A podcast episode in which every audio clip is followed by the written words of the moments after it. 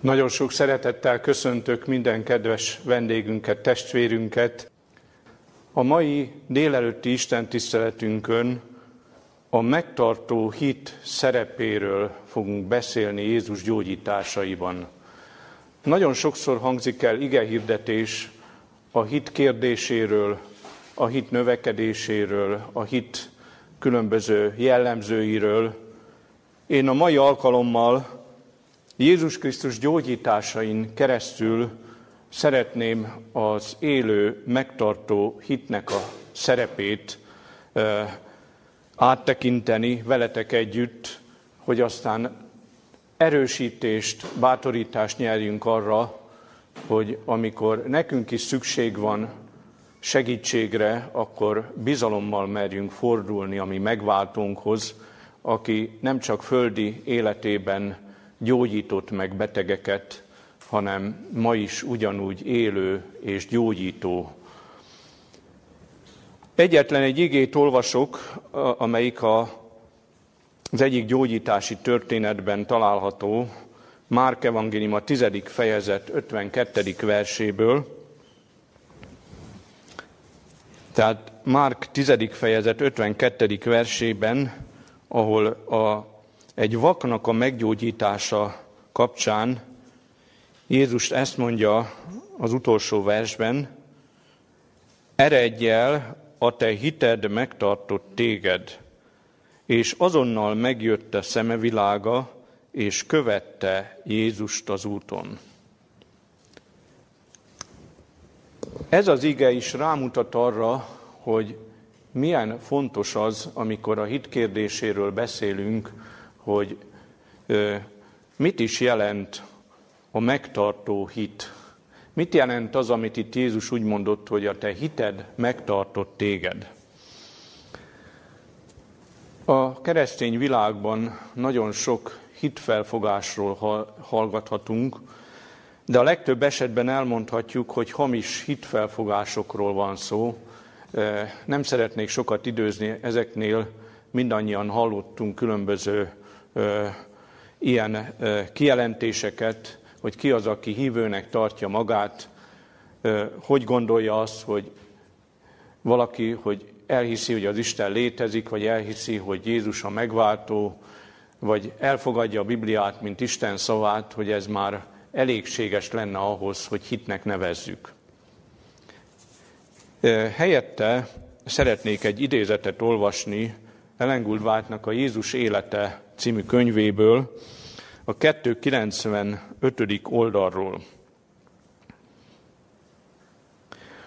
A névleges hit Krisztusban, amely őt csupán a világ megváltójának fogadja el, és nincs személyes kapcsolatban vele, sohasem hozhat gyógyulást a léleknek. Az üdvösségre vivő hit nem pusztán értelmi beleegyezés az igazságba. Aki arra vár, hogy tökéletes ismeret, ismeretre tegyen szert, mielőtt gyakorolná a hitet, az nem részesül Istentől jövő áldásban. Nem elég hinni valamit Krisztusról. Krisztusban kell hinnünk.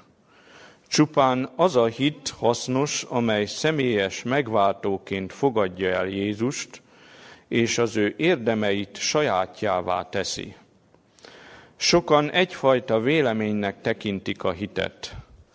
A megmentő hit egyesség, amely szerint azok, akik elfogadják Krisztust, szövetségi kapcsolatba kerülnek Istennel.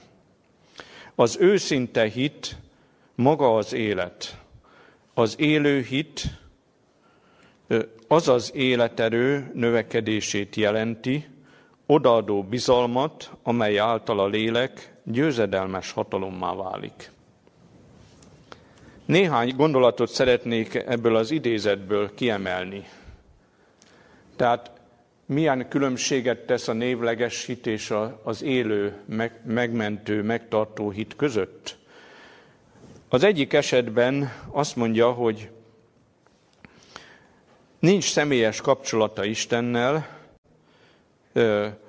elfogadja Jézust megváltónak, beleegyezik az igazságba, tehát helyesnek tartja az igazságot, de ugyanakkor az élő hit az azt jelenti, hogy Krisztusban kell hinnünk, mint személyes megváltónkban, mint személyes megváltóként fogadjuk őt, és azt mondja, akkor a megmentő hit egy egyesség lesz azok számára, akik Krisztust befogadják, és szövetségi kapcsolatba kerülnek az Istennel.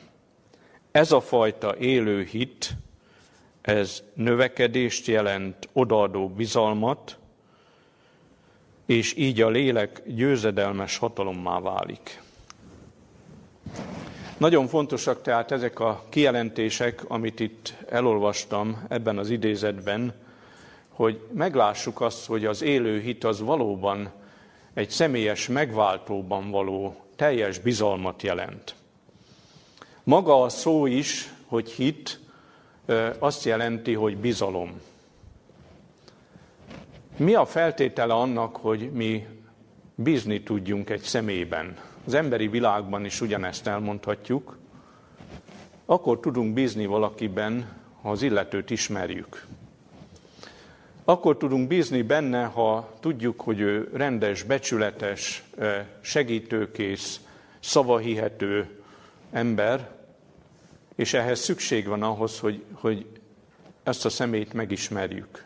Akkor jutunk el ide, hogy bizalmunk lesz az ő irányába, bízni tudunk az ő szavaiban, rá tudjuk bízni magunkat. Ugyanezt elmondhatjuk Istennel kapcsolatban is, hogy Isten iránti hit vagy bizalom ugyanúgy ennek a feltételnek kell, hogy megfeleljen, hogy megismerjük őt. Az emberi világban, hogyha valaki megismerünk, mi a legfontosabb, amin keresztül meg tudjuk ismerni? Az ő beszéde. Az ő beszédéből ismerjük meg, hogy kicsoda, és ugyanúgy Istenről is elmondhatjuk, hogy Istent az ő beszéde által ismerhetjük meg, hogy ki. Az ő beszéde által ismerhetjük meg azt, hogy, hogy szerető, gondviselő, irgalmas Isten, akihez bátran fordulhatunk. Ha ez a megismerés egyre erősödik, egyre erősebb lesz a bizalom az Istenben, és egyre inkább növekszik a hit bennünk. A Biblia azt mondja Isten megismerésével kapcsolatban, most csak szóban szeretnék néhány igét említeni, anélkül, hogy kikeresném az, a Szentírásból. János Evangélium a 17. fejezet harmadik versében azt mondta Jézus a főpapi imádságában, hogy az pedig az örök élet, hogy megismerjenek téged, az egyedül igaz Istent, és akit elküldtél a Jézus Krisztust. Tehát Jézus ezt mondja, hogy tulajdonképpen az örök élet az azt jelenti, az örök életre akkor juthatunk el, ha mi megismerjük az egyedül igaz Istent, és megismerjük, akit elküldött a Jézus Krisztust. Szintén János evangéliumából idézném a következőt, megint csak szóban, János 5. fejezet 39. verséből, ahol azt mondta Jézus, hogy tudakozzátok az írásokat, mert hiszitek, hogy abban van a ti örök életetek, és ezek azok, amelyek bizonyságot tesznek rólam. Jézus itt az Ószövetség írásokról szólt, hiszen az ő korában még nem létezett az Új Szövetség eh, leírva, majd csak évtizedekkel később Jézus halála után, de azt mondja az Ószövetség írásokról is, hogy ezek azok, amelyek bizonyságot tesznek rólam. Az egész Szentírásnak a középpontjában Jézus Krisztus áll, aki valóban, akinek a megismerése a mi számunkra a hitben való növekedést és megerősödést jelenti. Még két igét szeretnék idézni, szintén csak szóban. Hogyan is ismerhető meg az Isten, hogyan ismerhető meg az Isten beszéde? Ez pedig Pálapostól írja a római levél 10. fejezet 17. versében, hogy a hit hallásból van, a hallás pedig Isten igéje által. Amikor egy embertől azt halljuk, hogy jó neked, mert te tudsz hinni, de én nem tudok hinni. Nagyon egyszerű a kérdés, hogy tudna hinni valaki az Istenben, ha nem ismeri? Ha én sem ismerném az Istent, én sem tudnék hinni az Istenben. A hit hallásból van a hallás Isten igéje által. Tehát amikor mi hallgatjuk a, az igét, amely az Isten szava, amikor akár igehirdetés által, akár személyes biblia tanulmányozás által az Isten szavából megismerhetjük az Isten jellemét, az Isten személyét, megismerhetjük őt olyan mértékig, hogy teljes bizalmunk lesz benne. Nem marad semmi kétség, és nem csak az igazságban fogunk hinni, nem csak abban, hogy az Isten szava az igaz és szent, hanem magában az Istenben, magában Jézus Krisztusban, aki a megváltunk, aki magához hív, és aki bizalommal fordul hozzánk, hogy mi is aztán teljes bizalommal rá tudjuk magunkat bízni. Jeremiás próféta könyve 29. fejezet 13. versében azt az ígéretet olvashatjuk, hogy kerestek engem, és megtaláltok, mert teljes szívetekből kerestek.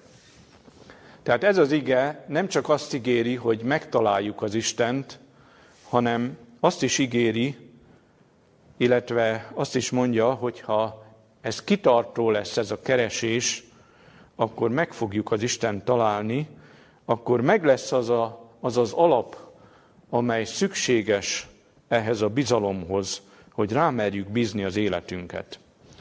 Ehhez erőfeszítések szükségesek. Milyen erőfeszítésekre van szükség?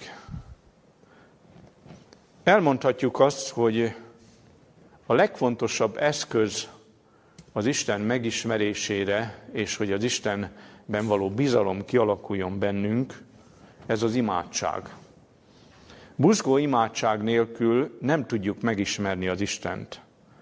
És itt még egy igét idézek Júdás leveléből, ahol a harmadik versben azt mondja, tusakodjatok a hitért, amely egykor a szenteknek adatott.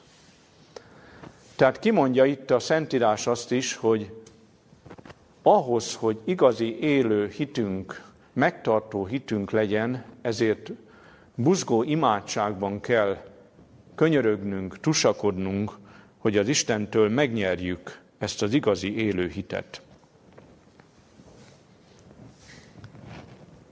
Jézus Krisztus, ami hitünk fejedelme, ahogy Pálapostól is írja a római levélben, és ő hozzá fordulhatunk, és ő a tökéletes példakép, aki itt a földi életében úgy járt, és úgy gyakorolta a hitet, amelyben nekünk tökéletes példát adott. Ő a mi hitünk fejedelme és kezdeményezője, ő a mi hitünk bevégzője is, és a Szentírás arra buzdít bennünket, hogy kövessük őt mint tökéletes példaképünket, aki megerősít bennünket a mi hitünkben.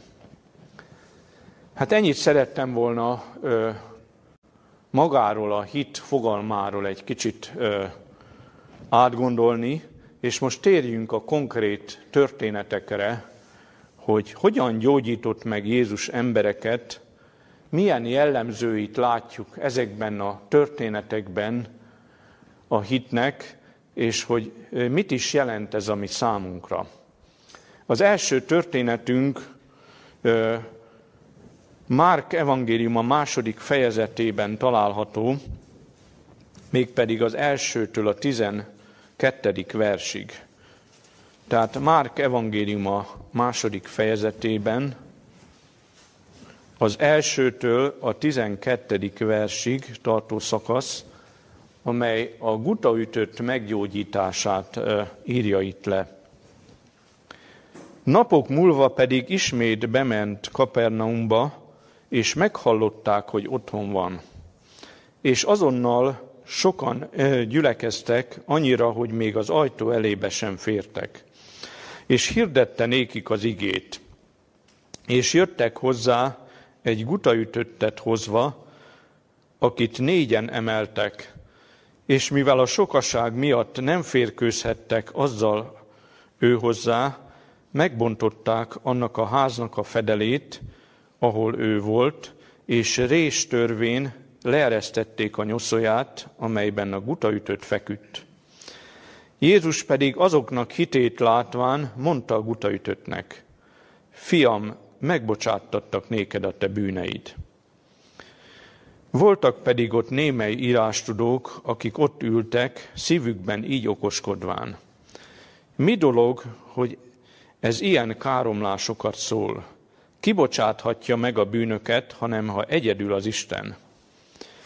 És Jézus azonnal észrevette az ő lelkével, hogy azok magukban így okoskodnak, és mondta nékik, miért gondoljátok ezeket a ti szívetekben?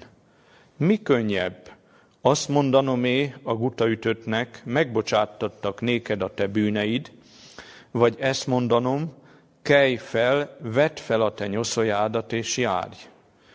Hogy pedig megtudjátok, hogy az ember fiának van hatalma e földön a bűnöket megbocsátani, mondta a gutaütöttnek.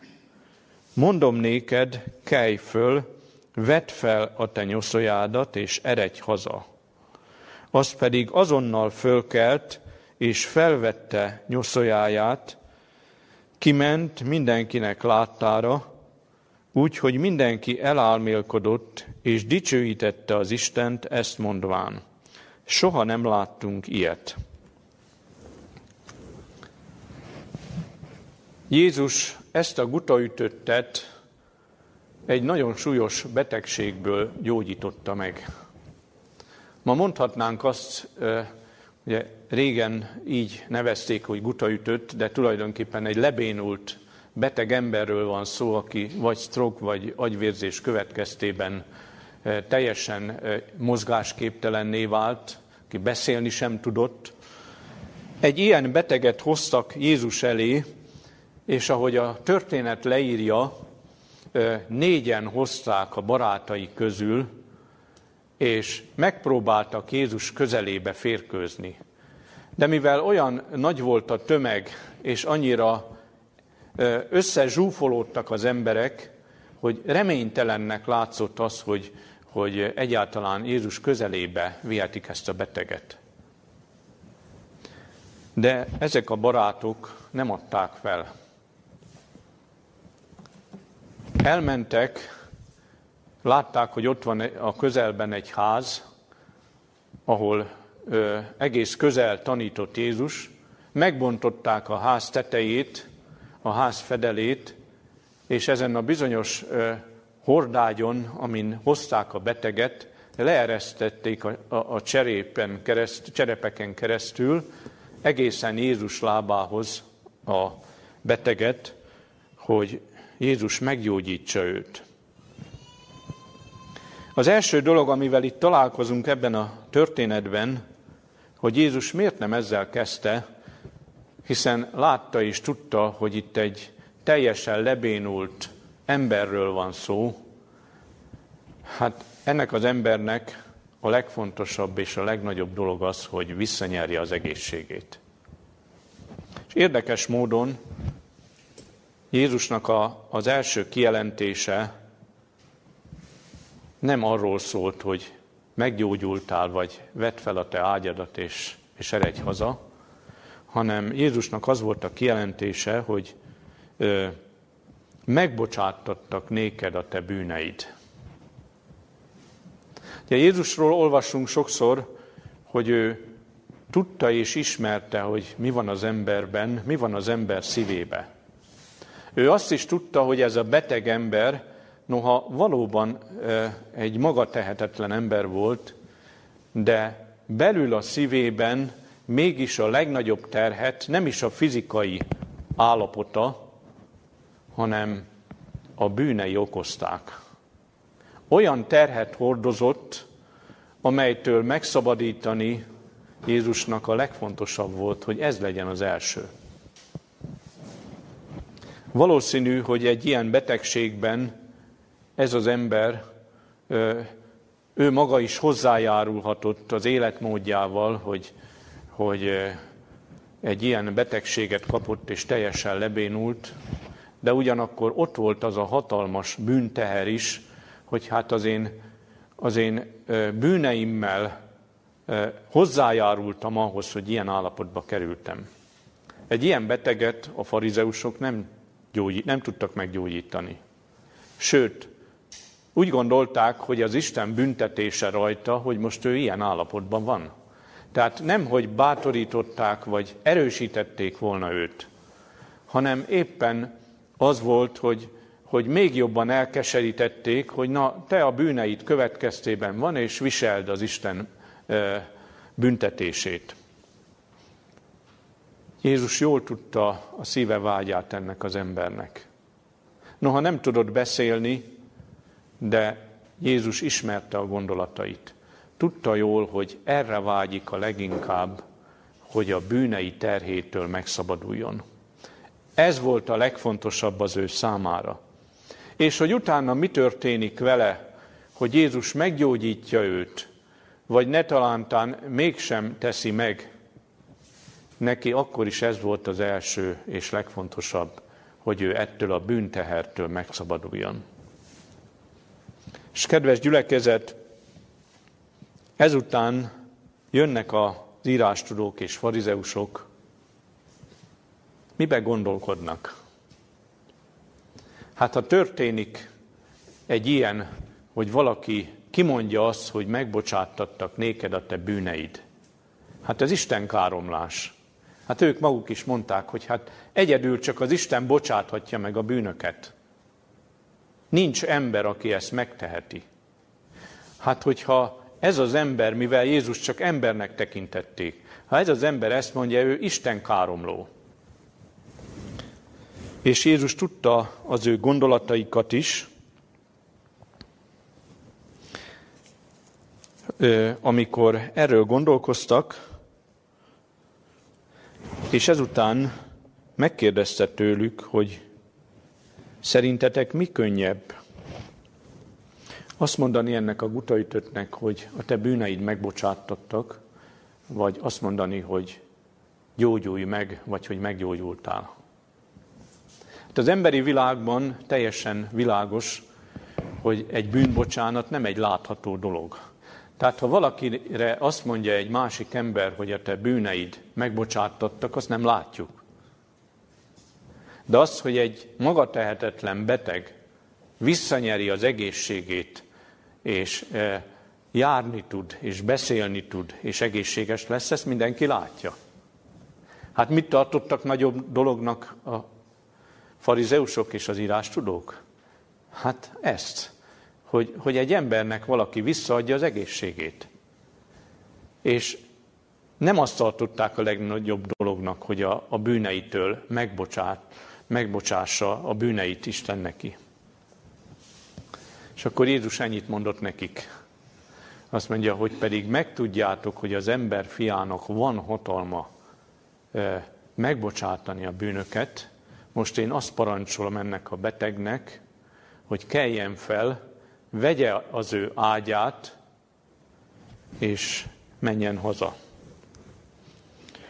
Olvastuk az ígében, ezután,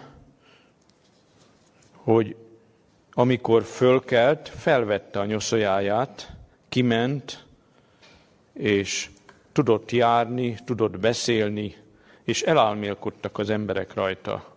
És azt mondták, soha nem láttunk ilyet. Kedves testvéreink, vendégeink. Szeretnék itt egy kicsit ezen elgondolkozni, hogy itt ez a két dolog történt. És Jézus gyógyításainál ugyanúgy megtaláljuk azt, hogy Jézus nem csupán egy dologra koncentrál. Egy beteg, egy gyógyíthatatlan beteg a fizikai betegségéből meggyógyuljon. Hány ember szeretne meggyógyulni a betegségéből? Anélkül, hogy lelkileg meggyógyulna. Jézus gyógyításaira az jellemző, hogy mind testileg, mind lelkileg meggyógyította az embereket, feltéve, hogyha engedték, ha hagyták, ha igényelték ezt. Majd látunk egy olyan példát is, ahol, ahol csak testileg gyógyultak meg az emberek, akiket, akik hozzájöttek, de lelkileg nem. Ennél az embernél teljes mértékű volt a gyógyulás, és az írástudók se tudtak mit mondani. Hát ha a szemük láttára föl kell ez a maga tehetetlen ember, és járni tud, keze, lába használható, és, és, és beszélni tud, akkor itt valóban valami nagy csoda történt.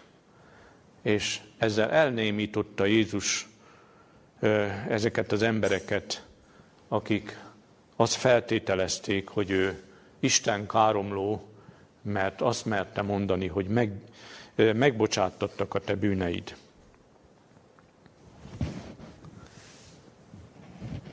Egy következő történetet szeretnék felolvasni, szintén egy gyógyítási történet, a Kapernaumi százados szolgájának a meggyógyítása, ez pedig Lukács evangélium a hetedik fejezetében található, az elsőtől a tizedik versig tartó szakaszban. Tehát Lukács evangélium a hetedik fejezetében, az elsőtől a tizedik versig tartó szakasz. Így olvasom az igét. Mikor pedig mindenő beszédeit a nép hallatára elvégezte, bement Kapernaumba. Egy századosnak szolgája pedig, aki annál nagy becsületben volt, igen rosszul lévén már halófélben volt. Az pedig, mikor hallott Jézus felől, hozzá küldte a zsidók véneit, kérvén őt, hogy jöjjön el és gyógyítsa meg az ő szolgáját. Azok pedig Jézushoz menvén igen kérték őt, mondván, Méltó, hogy megted néki, mert szereti a mi nemzetünket, és a zsinagógát is ő építette nékünk. Jézus tehát elment velük, mikor azonban már nem messze volt a házától, elég küldte a százados néhány jó barátját, üzenvén néki, Uram, ne fárazd magadat, mert nem vagyok méltó, hogy hajlékomba jöjj amiért is magamat sem tartottam érdemesnek arra, hogy hozzád menjek, hanem csak szóval mond, és meggyógyul az én szolgám. Mert én is hatalom alá vetett ember vagyok, és vitézek vannak alattam, és ha az egyiknek azt mondom, eredj el, elmegy, vagy a másiknak, jövel, eljő. És ha a szolgámnak szólok, tedd ezt, azt teszi. Jézus pedig ezeket halván elcsodálkozott ő rajta, és hátrafordulván mondta az őt követő sokaságnak. Mondom néked, ilyen hitet Izraelben sem találtam. És a küldöttek visszatérvén a házhoz, a beteg szolgát már egészségben találták. Ebben a történetben egy nem zsidó származású emberről olvasunk. Ez a kapernaumi százados, ugye a római hadseregben volt magas rangban, ugyanakkor annak ellenére, hogy nem volt zsidó származású, mégis szimpatizált a zsidók vallásával, sőt, hatalmas segítséget is nyújtott számukra, hiszen a kapernaumi zsinagógát ő építette az ottani zsidó közösségnek. Ez a százados pogány emberként mondhatjuk azt, hogy igazi hitről tett bizonyságot, amikor az ő szolgájának a gyógyítását kérte. Már ez is elgondolkoztathat bennünket, hogy egy ilyen magasrangú katonatisztnek miért fontos egy egyszerű szolgának a, az állapota, a betegsége. Mikor abba az időbe ugye a rabszolgákat adták, vették, nem volt értéke az embernek. Hogy lehet, hogy ez a római századosnak nagyon fontos volt ez a szolga, aki nagy becsületben volt nála, és azt olvassuk, hogy már halálán volt, mindenképpen segíteni szeretett volna rajta. De hát ugye nem talált olyan orvost, vagy nem talált olyan lehetőséget, hogy az ő szolgáját meggyógyítsa. De hát hallott Jézusról, aki nem csak az evangéliumot hirdette, hanem betegeket gyógyított meg, és úgy gondolta, hogy mindenképpen meg kell tenni még ezt a lépést, hogy valamilyen módon Jézust megkérje arra, hogy gyógyítsa meg az ő szolgáját. Úgy gondolta, hogy hát ő, mint egy ismeretlen ember, hogy menjen Jézushoz, és ezért a zsidók véneit kérte, hogy beszéljenek Jézussal, járjanak közbe, bizonyára őrá jobban hallgatnak. Ugye nem ismerték a zsidó véneknek és Jézusnak a kapcsolatát, hogy mennyire jó vagy rossz kapcsolatban voltak. Nem tudtak róla, hogy, hogy Jézussal szemben állnak ezek a vallási tanítók, de hát bizonyára igyekeztek segíteni ennek a századosnak, hiszen tudta, hogy mennyi jó téteményt adott az ő számukra. Elmentek tehát Jézushoz, így olvastam a Bibliában, és azt mondták neki, hogy méltó, hogy megted néki, hogy meggyógyítsd az ő szolgáját, azt mondja, mert szereti a mi nemzetünket, és a zsinagógát is ő építette. Méltó, hogy megtedd. A Bibliánál, Bibliában a hitről, ugye ahogy mondtam is, megpróbáljuk azokat a jellemzőket összeszedni, amely nagyon fontos része a hitnek. Az egyik fontos jellemzője a hitnek az igazi alázat. Ha valakinek az életéből hiányzik, az nem lehet igazán élő hittel rendelkező ember. Csak összehasonlítani szeretném a zsidók véneit és ezt a pogány századost. A vének azt mondják, hogy méltó ez az ember arra, hogy megted neki, mert sok jót tett velünk. És mit mond a százados, amikor, közele, amikor ugye várja Jézust, és amikor közeledne hozzá? Azt mondja, nem vagyok méltó, hogy az én hajlékomba gyere. Átérezte az ő méltatlanságát. Vajon milyen elképzelése, milyen képe lehetett Jézusról ennek a századosnak. Nem volt zsidó, ahogy mondtam. Nem rendelkezett azokkal a kiváltságos ö, tanításokkal, amiben a zsidók részesültek. De mégis őszinte hite volt, és miben gondolkodott? Hogyha Jézus Krisztus a világ megváltója, ha ő a világ mindenség ura, akkor ő, mint egyszerű ember, mint egy teremtmény, méltatlan arra az életébe, hogy egyáltalán Jézus az ő házába jöjjön, hogy bármit is tegyen az ő szolgájába.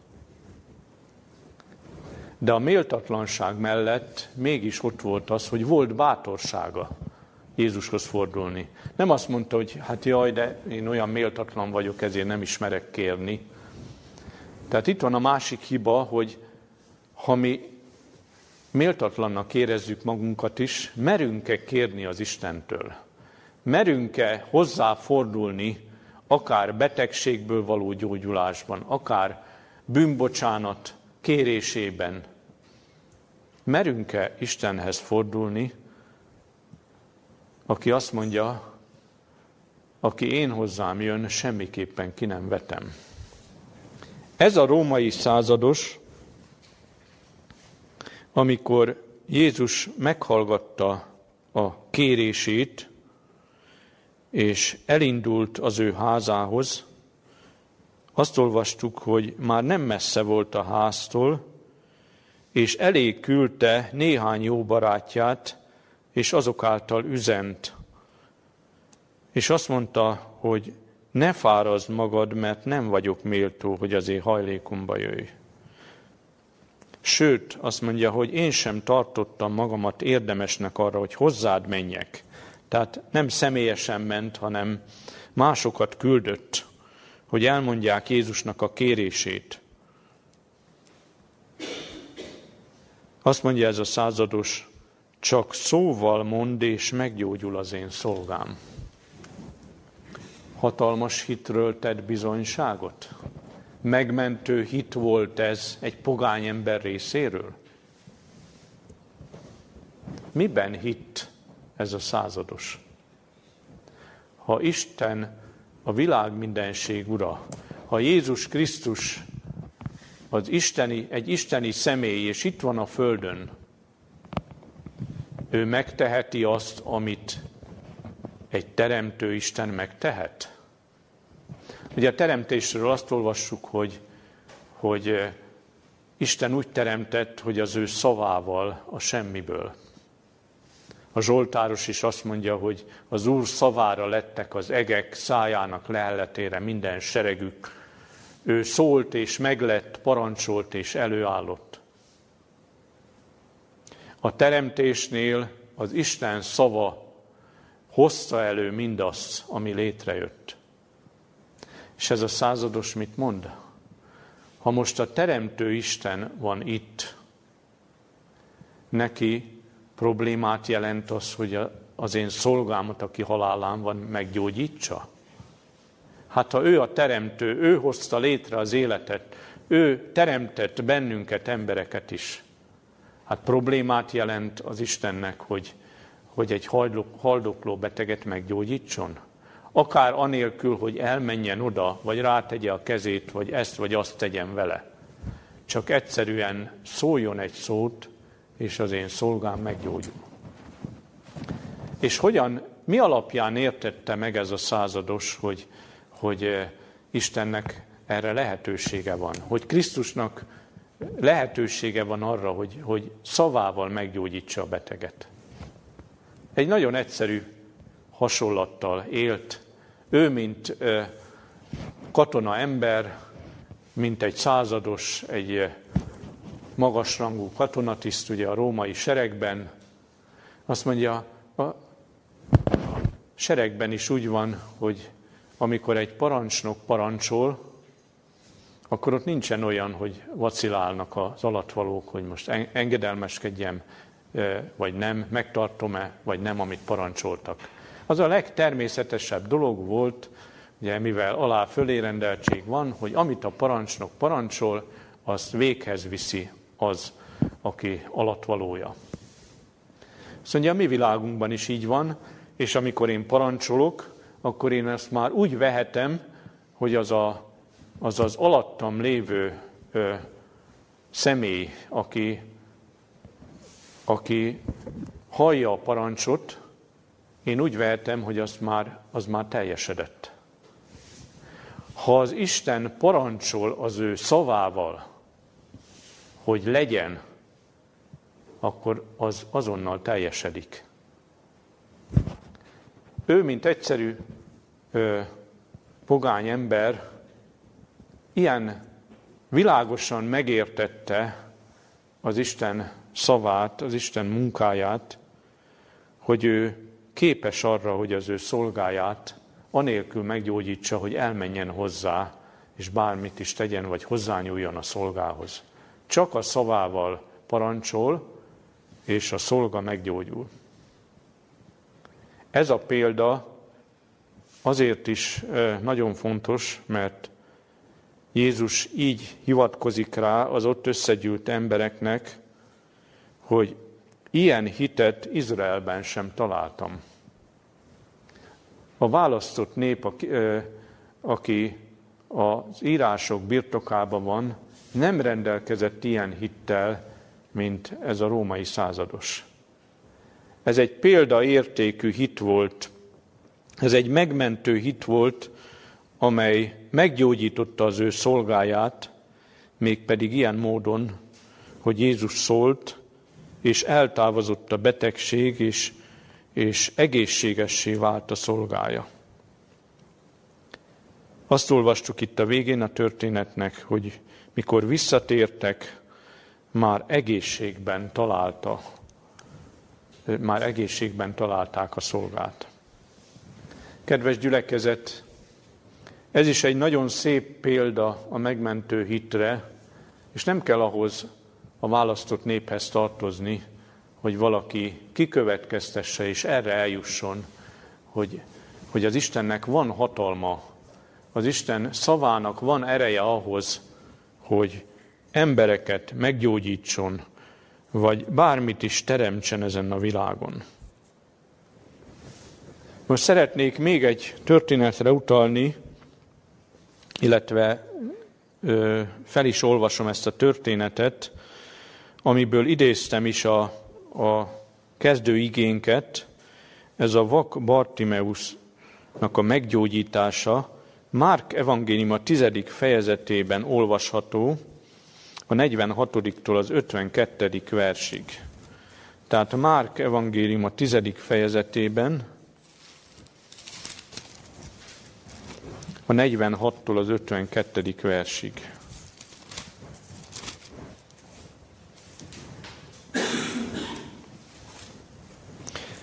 És Jerikóba érkeztek, és mikor ő és az ő tanítványai és nagy sokasság Jerikóból kimentek, a Timeus fia, a vak Bartimeus ott ült az úton koldulván.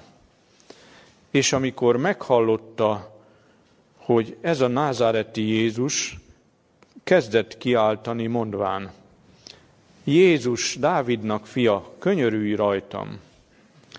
És sokan fették őt, hogy hallgasson. De ő annál jobban kiáltott, Dávidnak fia, könyörülj rajtam. Akkor Jézus megállván mondta, hogy hívják elő, és előhíván a vakot, mondták néki, bízzál, kelj föl, hív téged. Az pedig felső ruháját ledobván, és felkelvén Jézushoz ment. És felelvén Jézus mondta néki, mit akarsz, hogy cselekedjen veled? A vak pedig mondta néki, Mester, hogy lássak. Jézus pedig mondta néki, eredj el, a te hited megtartott téged. És azonnal megjött a szemevilága, és követte Jézust az úton. Egy beteg, egy vak ember jön, aki hall Jézusról, hogy eleve soha nem láthatta, és ez a, ez a beteg, amikor meghallotta, hogy arra jár a názáreti Jézus, így kiáltott, Jézus Dávidnak fia, könyörülj rajtam. Tehát bizonyára valamennyi ismerete volt arról, hogy ki ez a, ki ez a Jézus, ki ez a názáreti Jézus, hogy annak a Dávidnak a leszármazottja, akitől a messiás származott, és ez a vak oda ment, hogy segítséget kérjen Jézustól, hogy meggyógyítsa őt ebből a rettenetes betegségből. Ugye mi, akik látók vagyunk, el se tudjuk képzelni, hogy milyen az, amikor valaki teljes sötétségben van, és semmit nem lát. És semmit nem tud felfogni, vagy egyáltalán a, a környezetéből. Talán még egy olyan vaknak, aki valamikor látott, de aztán elveszítette a látását, annak még olyan szempontból ö, egy kicsit könnyebb dolga van, hogy emlékezik dolgokra, amit látott a világból. El tudja képzelni, hogy néznek ki az emberek, hogy néz ki a természet, a házak, stb. De egy olyan vak, aki soha nem látott, annak a lehető legsúlyosabb dolog az, hogy, hogy ő el se tudja képzelni, hogy mi van körülötte. És ez a vak, mivel ö, nem volt senki, aki meggyógyítsa őt, mert, mert nem lehet meggyógyítani egy ilyen embert, amikor hallott Jézusról, hogy ő betegeket gyógyít meg, hatalmas lehetőséget látott ebben, és ezért is ment Jézus közelébe, és ezért kiáltott Jézus után, hogy Dávidnak fia, könyörülj rajtam. Mi szokott történni, amikor egy ember segítséget kér az Istentől? Azonnal jönnek az akadályok, igaz? Hát a Jézus embereket gyógyít meg, ők úgy gondolták, hogy Jézusnak a vakságából Jézus nem fogja meggyógyítani. Mit tettek ezek az emberek? Azt mondták neki, hogy hallgasson. Fették őt, tehát fették őt, és azt mondják, hogy hallgasson. Ne zavarja a mestert itt a tanításban és a, a munkában. Ha ez a vak ö, nem lett volna ilyen kitartó, akkor tudomásul vette volna, hogy neki nincs lehetőség gyógyulásra. De ő teljesen figyelmen kívül hagyva mindezt, amit itt mondtak ezek, a, ezek az emberek, akik fették, hogy hallgass már, ne zavard a mestert. Ő annál jobban kiáltott, mert az egyetlen lehetőséget látta abba, hogy, hogy meggyógyuljon az ő betegségéből. És amikor újból kiáltott, Jézus meghallotta, és üzent neki, megállt, és azt mondta, hogy hívják elő őt. És akik előhívták, ezt mondták, bízzál, kelj föl, hív téged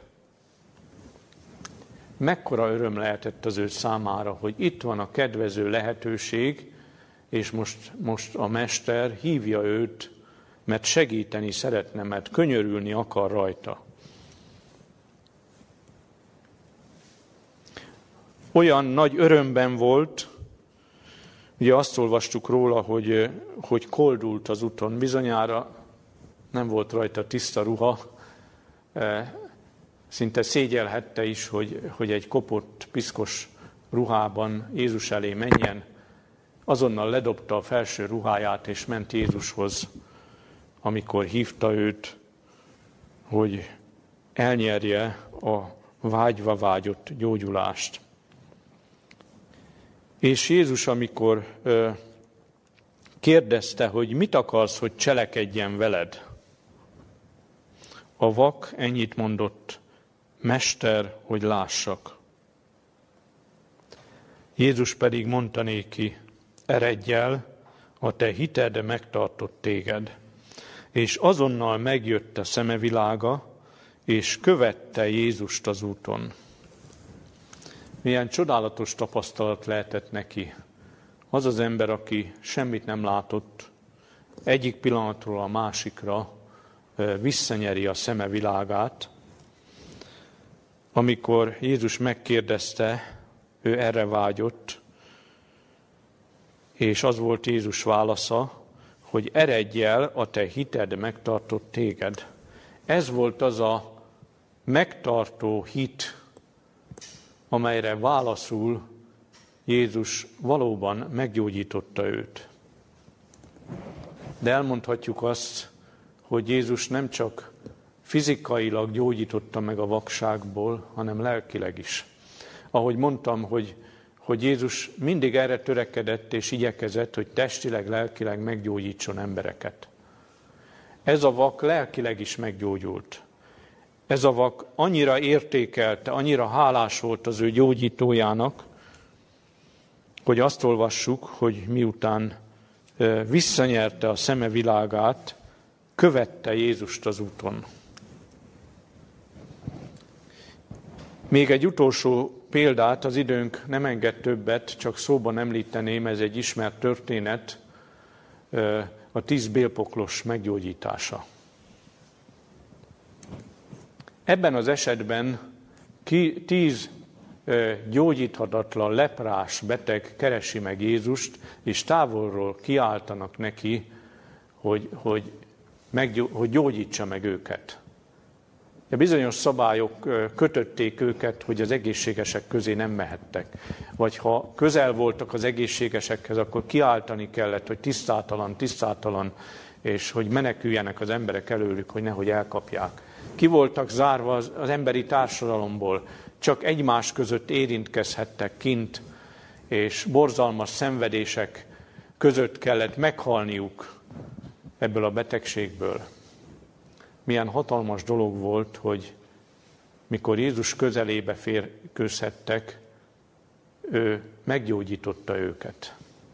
De miért mondom ezt az ellenpéldát? Mert tizen voltak, de csak egyetlen egy volt, aki visszament Jézushoz.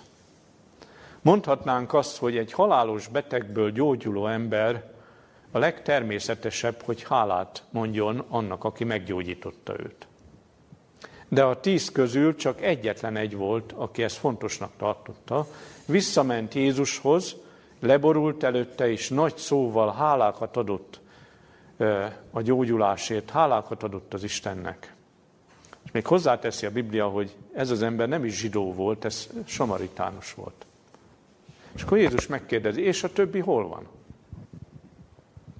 Hát azoknak nem jutott eszébe, hogy hálát mondjanak? És azt mondja ennek a ennek a hálás betegnek, aki visszajött, kelj fel, menj el, a te hited megtartott téged. Tehát ki volt a tíz közül, aki testileg és lelkileg is meggyógyult? Csak ez az egy. És ezért mondhatta Jézus, hogy a te hited megtartott téged. Tehát ilyen nagy jelentősége van a megtartó hitnek, ahogy itt is látjuk, és a többi történetben is láthattuk, hogy Jézus Krisztus, amikor meggyógyít, valóban építeni szeretne a mi hitünkre, és amikor bekövetkezik a csoda, akkor valóban mi a legnagyobb hálával tartozunk a gyógyítónk felé, aki megtette ezt. És a mai életben, a mai világban is, noha nem 2000 évvel korábban élünk, ahol Jézus gyógyított személyesen az emberek között, de ma is ugyanúgy fordulhatunk a nagy orvoshoz, ami megváltónkhoz, aki akkor is meggyógyította a hozzáfordulókat, és ma is lehetőséget akar adni erre, de ő meg akar gyógyítani lelkileg is. Ő világosságot akar adni lelkileg is, ami számunkra. Ő teljes gyógyulásban akar részesíteni bennünket. A tanulmányunk végén csak néhány összefoglaló gondolat. Ugye arról tanultunk, hogy a megtartó hit az élő hit milyen fontos és jelentős dolog. Szükséges hozzá, hogy eljusson az ember igazi mélységes alázatra, eljusson oda, hogy teljes mértékben bízni tudjon Istenben, ugye ennek a feltétele, amiről az elején szóltam is, hogy megismerjük Jézust, és ragaszkodjunk Jézushoz, és Jézusban higgyünk, ne pedig csak elfogadjuk Jézust megváltónak. Aztán szükséges mindenhez a megtartó hithez, hogy kitartó legyen az ember. Azok az emberek, akik gyorsan feladták, hogy nem férkőzhetnek oda, ugye az első példát, amikor említettem, ezek a barátok is nem adták föl, amikor nem fértek Jézushoz, hanem olyan kitartó hitük volt, hogy készek voltak a háztetőre is, felvin, a házra is felvinni és a tetőn leereszteni, csak hogy Jézus közelébe férkőzzön. Nagyon fontos az, hogy, hogy bármilyen akadály is jön, ne tudjon eltántorítani bennünket hogy ebben az élő ebben a megtartó hitben részesüljünk, és test és lelki gyógyulást nyerjünk.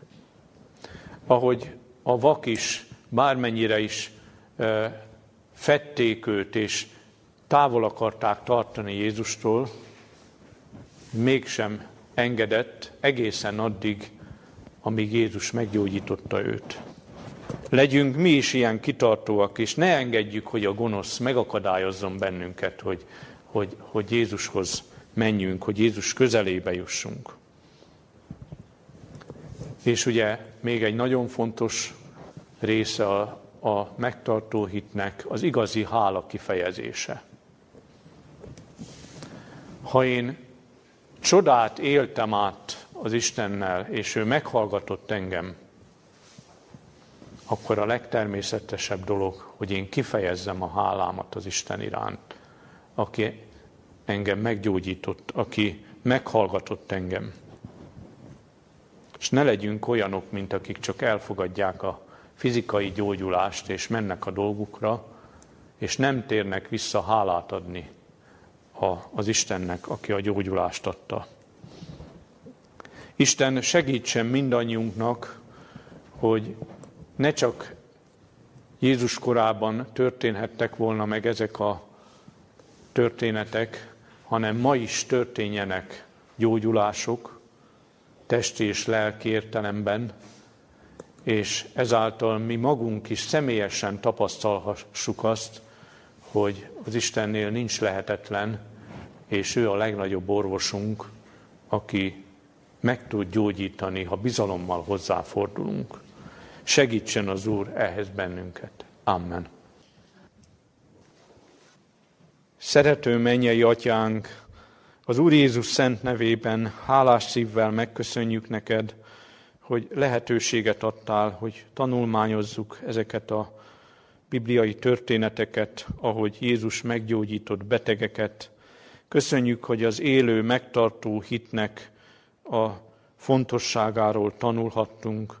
Köszönjük, Urunk, hogy nem csak Jézus korában is, hanem ma is lehetőségünk van erre, hogy mi is eljussunk az élő hitre, eljussunk erre a megtartó hitre, amelyre eljutottak ezek az emberek, és gyógyulást nyertek te tőled.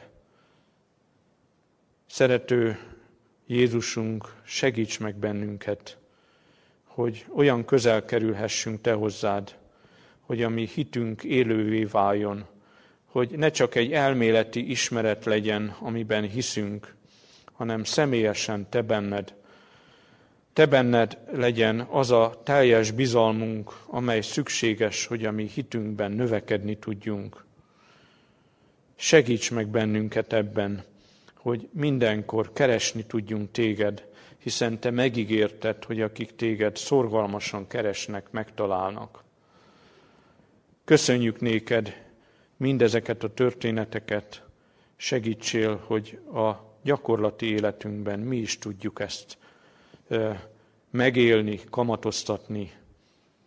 Köszönjük, hogy meghallgatod imádságunkat, legyen áldott érte szent neved. Amen.